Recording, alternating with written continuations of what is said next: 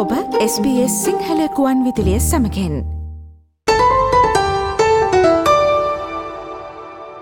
ජාත්‍යන්තර යෝගා දිනය ජුනි විසියෙක් වැනිදට එනම් හෙට දිනයට යෙදී තිබෙනවා. යෝග ෆෝ හියමනිටි මනුෂ්‍යත්වය සඳහා යෝගා. එයයි මෙවර තේමාව වී තිබෙන්නේ.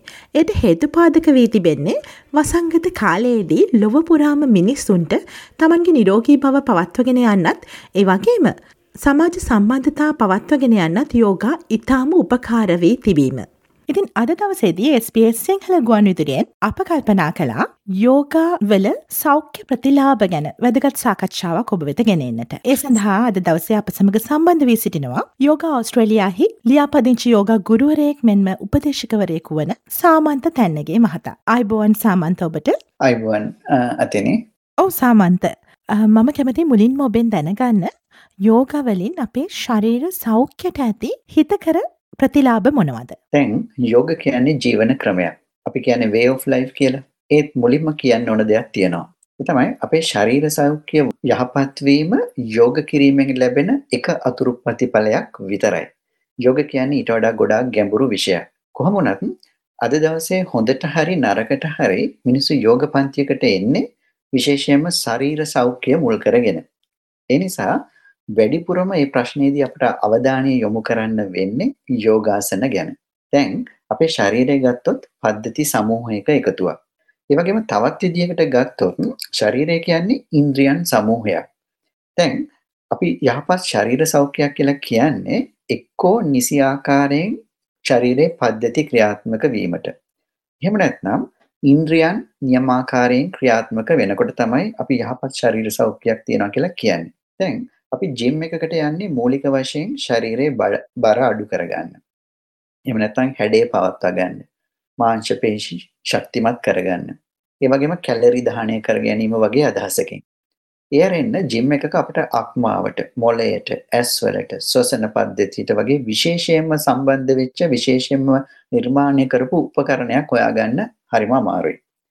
ඒත් යෝගාසනයක් ගත්තහම මේ සියලු පද්ධති හෝ ඉන්ද්‍රියන් ඉලක්ක කරගෙන කරන්න පුළුවන් අභ්‍යාස තියෙනවා. අපි ගමු කැලරි දහනය කිරීම කියලා. අපි සාමාන්‍යයෙන් එක්සර්සයිස් කරන්නේ කැලරි දහනය කරන්නනේ. නමුත් සමහර යෝගා යෝග ප්‍රාණයාම තියෙනවා. ඒ ප්‍රාණයාම කිරීමෙන් මේ ශාරීරික අභ්‍යාසයක් කරනවට වඩා වැඩි කැලරි ප්‍රමාණයක් දහනය කරගන්න පුළුවන්. දැන් අපිට තියෙන ප්‍රශ්නයක් තමයි වයසට යාමත් එක්ක ශ්වසන ආබාධ පෙනහළුවල ධාරිතාවය අඩුවීම ඔය වගේ ප්‍රශ්න. සාමාන්‍යයෙන් අපි කියනවා මේ අපේ පෙනහළු වලින් අපි පාවිච්චි කරන්නේ අඩු ප්‍රතිශතයක් කියලා. නමුත් අපි යෝගාසනයක ඉන්නකොට හුස්ම ගද්දි උපක්‍රමශීලීව අපි හුස්ම ගන්න. අපි කියනවා යෝගික් බ්‍රීතිං කියලා. ඒ ආකාරයෙන් හුස්ම ගන්නකොට අපි යෝගාසනයේ ඉන්න ගමම්ම අපේ පෙනහළු ධාරිතාවය උපරිම ප්‍රමාණයටම ළඟා කරගන්නවා. අර මම මුලින් කිව්වා වගේ සාමාන්‍යයෙන් අපි ජිම් එකක එක්සර්සයිසස් කරනකොට අපි මුලින් අපි බොහෝ විට අපි කරන්නේ අපේ බාහිර මසල්ස් එහෙම නැත්නම් මාංශ පේශි ගැන තමයි වැඩි සැලකිල්ලක් දක්වන්නේ. ඒත් යෝගවලදී අපි අභ්‍යන්තර ඉන්ද්‍රියන් උදාහරණයකට අපේ ආහාර ජීර්ණ පද්ධතිය ගැන පවා අපි හුස්ම වලින් කරන්න පුළුවන් ගොඩාක් දේවල් තියෙනවා. අනිත් එක අපේ ශරීරය කියන් ශරීරයේ නිරෝගිකම රඳා පවතින්ද නම් ශරීරයේ නම්‍ය ශීලිතාවය දරා ගැනීමේ ශක්තිය ඊට අමතරව මේ සමබරතාවය වගේ දේවල් ගැන හිතන්නත් ඕනේ. ඉතින් යෝගාසන මේ හැමදේම ඉලක්ක කරගෙන කරන්න පුළුවන් අභ්‍යාසයක්. තවත් දෙයක් තමයි දැන් අපේ ශරීරය හැදිලා තියෙන්නේ විවිධ සෛල වලින්. මේ හැම සෛලයක්ම හැම මොහොතකම අලුත් වැඩියා කරන්න ඕනේ. හැම මොහොතකම අපේ ශරීරයේ සෛල විනාශ වෙනවා. ඒ වගේම හැම මොහොතකම අපේ ශරීරයට අලුතෙන් සෛල එකතු වෙනවා. ඒ කියන්නේ එක පැත්තකින් කැඩෙනවා. අපි ඒකට කියන්නේ කැටබොලිසම් කියලා. අනිත් පැත්තෙන් හැදෙනවා. ඒකට අපි කියන්නේ ඇනබොලිසම් කියලා. දැන් තරුණ අවදියට යනකම්ම අපේ ශරීරයේ අලුතින් හැදෙන වේගය කැඩෙන වේගයට වඩා වැඩි. අපි වයසට යනවා කියලා කියන්නේ හැදෙන වේගයට වඩා කැඩෙන වේගය වැඩි වුණාම අපි හිතමු අපි මේ අපේ ශරීරයේ මාංශ පේශි උපයෝගී කරගෙන ජිම් එකක ට්‍රෙඩ්මිල් එකක යනවා කියලා. දැන් එහෙම යනකොට අපි ජර්ක් කරනවා. ඒ කියන්නේ අපේ ශරීරයේ ගස්ස ගස්ස රෙපිටිෂන්ස් කරනවා. දැන් මැදි වයසේ පහු කරපු කෙනෙක් ඉතා වේගෙන් ට්‍රෙඩ්මිල් එක ගිය. එයා කැලරි දහනය කරගන්නවා. මාංශ පේශිත් ශක්තිමත් කරගන්නවා. නමුත් එයාගේ දන හිස් වලට විලුඹට ලොකු පීඩනයක් එල්ල කරගන්නවා. කාලයක් ගත වුණාම තමයි මේ වගේ අතුරු ආබාධ දැනෙන්න පටන් ගන්න. නමුත් යෝග කියන්නේ අහිංසක ව්‍යායාම ක්‍රමයක්. ඒකෙදි අපි එක ශරීරයේ එක කොටසකට යහපතක් වෙන ගමන් අනිත් කොටස් නොසලකා හරින්නේ නැහැ. මේ වගේ යෝග අභ්‍යාස කරනකොට අපේ ශරීරයේ සෛල කැඩෙන වේගය අඩු වෙනවා, හැදෙන වේගය වැඩි වෙනවා. ඔය වගේ කරුණු බොහොම එක ප්‍රතිඵලයක් හැටියට තමයි සමස්තයක් හැටියට අපිට සාපේක්ෂව ශරීර සෞඛ්‍ය යෝග කරපුවාම වැඩි වෙනවා කියලා කියන්න පුළුවන් වෙන්නේ. ඔව් සාමන්ත. ඔබ පැහැදිලි කිරීමක් කරා මේ යෝගවලින් අපේ ශරීර සෞඛ්‍යයට ලැබෙන ප්‍රතිලාභ සම්බන්ධයෙන්. මම ඊළඟට ඔබෙන් දැනගන්න කැමති යෝග මගින් අපේ මානසික සෞඛ්‍යයට ඇතිවන ප්‍රතිලාභ මොනවද කියලා. ඒක හොඳ ප්‍රශ්නයක් අතිනි. දැන් මුලින්ම බලන්න ඇයි අපේ මානසික සෞඛ්‍ය පිරිහෙන්නේ. එක්කෝ අපි බලාපොරොත්තු වෙන දේවල් අපට ලැබෙන්නේ නැති වුණාම. ඒ වගේම අපි අකමැති දේ සිදු වෙනකොට. ඒ කියන්නේ මේ ප්‍රශ්නේ ගැඹුරටම ගියොත් අපිට මානසික ගැටලුවක් කියලා හමු වෙන්නේ කිසියම් දෙයකට තියෙන ඇලීමක්. එහෙම නැත්නම් ගැටීමක්. දැන් ඔය ගැටලුවට නියම උත්තරේ දෙන්න වෙන්නේ යෝග දර්ශනේ. මොකද මානසික සෞඛ්‍ය කියන්නේ හිතත් එක්ක සම්බන්ධ දෙයක් නිසා. භගවත් ගීතාවේ යෝග ක්‍රම හතරක් ගැන කියවෙනවා. එක්තරා අවස්ථාවක භගවත් ගීතාවේදී ක්‍රිෂ්ණ අර්ජුනට අපූර්ව උත්තරයක් දෙනවා. ඒ තමයි මනස සංසුන් කරගන්න නම් අපි වීරයත් අතහැරීමත් එකවර පුරුදු කරන්න ඕනේ. හිතේ ශාන්තියක් තියෙනවා නම් එතන මානසික ගැටලුවක් තියේවිද? දැන් හිතින් මවා ගන්න යෝගාසනයක ඉන්න කෙනෙක් ගැන අපිට පේන්නේ අසීරු ඉරියව්වක් පවත්වාගෙන යන ලස්සන රූපයක්. ඒ බාහිරට පේන විදිය. ලෝකයා දකින විදිය. දැන් මෙතන යෝගයාගේ චිත්තාභ්‍යන්තරයේ විපර්යාසයකුත් වෙනවා. ඒක බාහිරට පේන්නේ නැහැ. දැන් අපි අර හිතින් මවාගත්ත යෝගයා නිරන්තර අභ්‍යාසයක යෙදෙනවා. ඒ අතරම එයාගේ මනසින් වෛරාග්‍ය එහෙම නැත්නම් අතහැරීමත් පුහුණු වෙනවා. එයා මොනවද අතහැරින්නේ? ඇලීමත් ගැටීමත්. ඒ කියන්නේ එයා අසීරු ඉරියව්වක් පවත්වාගෙන යන්න උත්සාහ කරනවා. ඒත් ඒ ලෝකෙට පේන දේ පේන්න නොවේ. එයා මේ මොහොත තුල ජීවත් වෙනවා. ඒ ගමම්ම අතහැරීමත් පුහුණු වෙනවා. හරියට තරාදියක පැති දෙකම සමතලිත වුණා වගේ. අර මම මුලින් කිව්වා වගේ ගොඩක් අය යෝග කරන්න ශාලාවකට එන්නේ ඇඟ හදාගන්න. ඒත් දීර්ඝ කාලයක් නොකඩවා පුහුණු වුණත් එයා ශාලාවෙන් පිට වෙලා යන්නේ හිත හදාගෙන. සතුටකින් ඉන්න දෙයක් තමයි යෝගාසනයක් කියලා කියන්නේ. නැතුව අපි මහන්සියෙන් අමාරුවෙන් ඉන්න දෙයක් නෙමෙයි. ඉතින් ඒ තැනට යනකොට කෙනෙකුගේ මනස සංසුන් වෙලා තියෙන්න ඕනේ. ඉතින් ක්‍රමානුකූලව යෝගාභ්‍යාසය පුරුදු වුණාම සිතේ ශාන්තිය, මානසික ඒකාග්‍රතාවය, ඒ වගේම අවධානය දියුණු කරගන්න පුළුවන්. දැන් අපේ හිත යම් මේ වෙලාවේ තියෙන තැන අපේ ගත නැහැ. ඒ වගේම අපේ ගත තියෙන තැන අපේ හිතත් නැහැ. මේ දෙක හැම වෙලේම තැන් දෙකක තියෙන්නේ. ඒක තේරුම් ගන්න පුළුවන් අපි අපේ හිත ගැනම පොඩ්ඩක් කල්පනා කරලා බැලුවොත්. හිතයි කයයි එකතු කිරීමට භාවිතා කරන උපක්‍රමයක් තමයි යෝග. හිත කය එකතු කිරීමට අපි හුස්ම පාවිච්චි කරනවා. ඒ වගේම දැන් අපි යෝග යෝග ආසනයක් ගත්තොත් එහෙම යෝගාසනයක ඉන්න කෙනෙක් ඉතා සෙමින් එයා පාලනයකින් යුතුව තමයි හුස්ම ගන්න. එයා හුස්ම පාවිච්චි කරනවා ශරීරය සහ මනස ඒ මොහොත තුළ රඳවා ගැනීම කිරීමට. මම මීළඟට දැනගන්න කැමති මේ ශාරීරික මානසික සෞඛ්‍ය ප්‍රතිලාභවලට අමතරව යෝගවලින් වෙනත් ප්‍රතිලාභ තිබෙනවද. අනිවාර්යෙන්ම බොහෝමයක් තියෙනවා. මම මුලින් කිව්වා යෝගාසන කියන්නේ යෝග දර්ශනයේ එක කොටසක් විතරයි කියලා. ඒ කියන්නේ පතාංජලිගේ අෂ්ටාංග යෝගයේ අංග 8ක් තියෙනවා. හරියට ආර්ය අෂ්ටාංගික මාර්ගය වගේ. ඉතින් ආසන කියන්නේ ඉන් එකක් විතරයි. අද යෝග කියලා ගොඩක් අය හිතාගෙන ඉන්නේ යෝගාසන ගැන විතරයි. ආසන වගේම ඉතුරු කොටසත් යෝග පුහුණුවටම අදාළයි. දැන් අපි මේ සමාජයේ ජීවත් වෙන්නේ තනියම නෙවෙයි.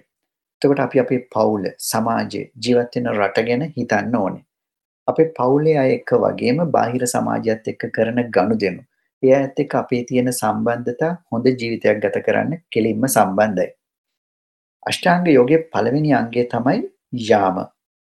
මෙන්න මේ යාම කියන අංගය අපට යහපත් සමාජීය සම්බන්ධතාවයන් ගොඩනගා ගන්න කෙලින්ම උපකාරී වෙනවා. යාම කියන්නේ අපෙන් අපි ජීවත් වන සමාජයේ යහපැවැත්ම වෙනුවෙන් සිදුවිය යුතු දේ. හරියට පන්සිල් වගේ. ඒ කරුණු පහ තමයි අහිංසා.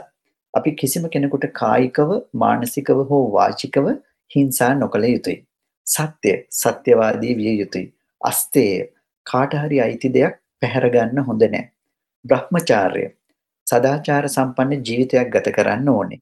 අපරිග්‍රහ, හැමදේම අපිම විතරක් අයිති කරගන්න හිතන්නත් හොඳ නෑ. ඊළඟට අපෙන් සමාජයට විතරක් සේවයක් වෙලා මදි. අපි අපි වෙනුනුත් කළ යුතු දේවල් තියෙනවා. ඒ ගැන කියන්නේ අෂ්ටාංග යෝගයේ දෙවෙනි අංගයෙන්. ඒ තමයි න්‍යාම. යාම වගේම න්‍යාම ධර්මත් පහක් තියෙනවා.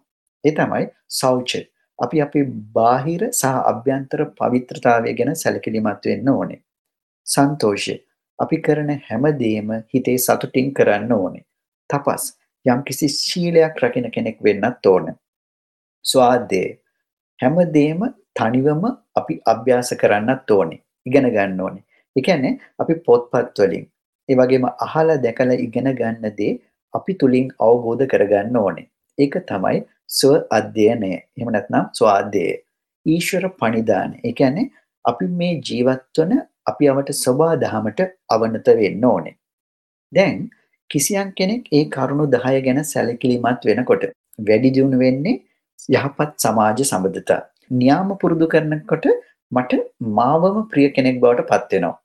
යාම පුරුදු කරනකොට මම සමාජයට ප්‍රියමනාප පුද්ගලයෙක් වෙනවා. ඉතින් ඔය වගේ ගොඩාක් දේවල් තියෙනවා යෝග කිරීමෙන් අපට ලැබෙන අමතර වාසි. සමන්ත මීළඟට මන් දැනගන්න කැමති මේ යෝගා පුහුණු වෙන්න පුළුවන් කාටද? දැන් ඕනම කෙනෙක්ට යෝග කරන්න බැරි නැහැ. හැබැයි හැමෝටම හැමදේම ගැලපෙන්නේ නැහැ.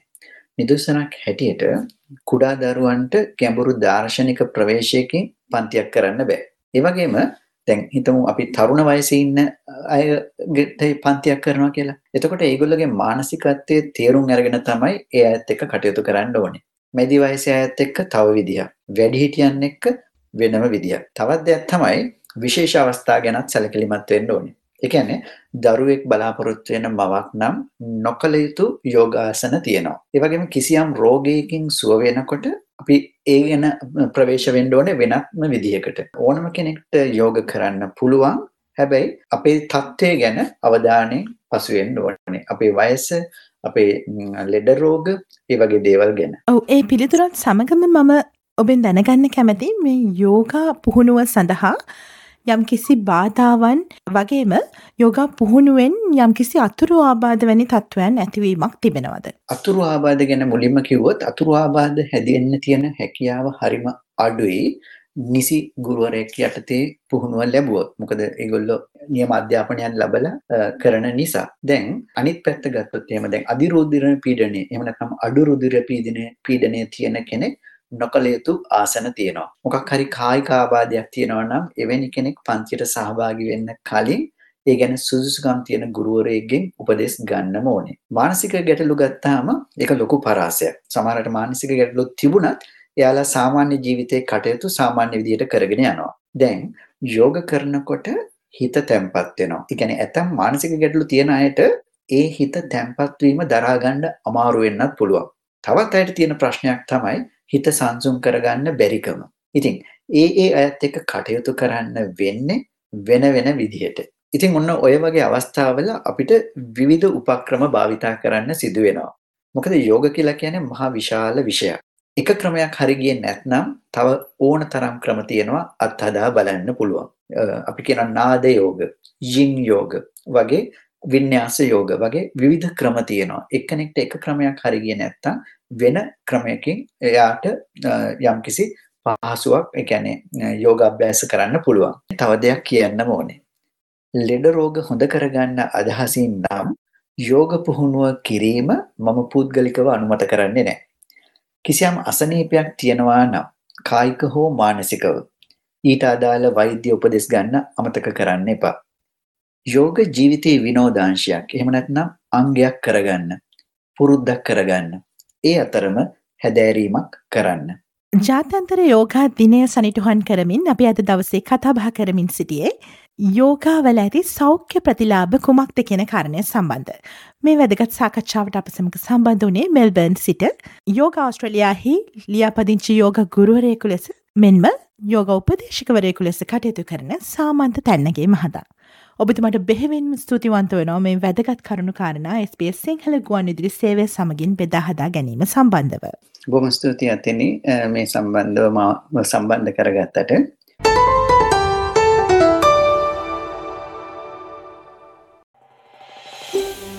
මේ වගේ තවත්තොරතුරු දැනගන්න කැමතිද.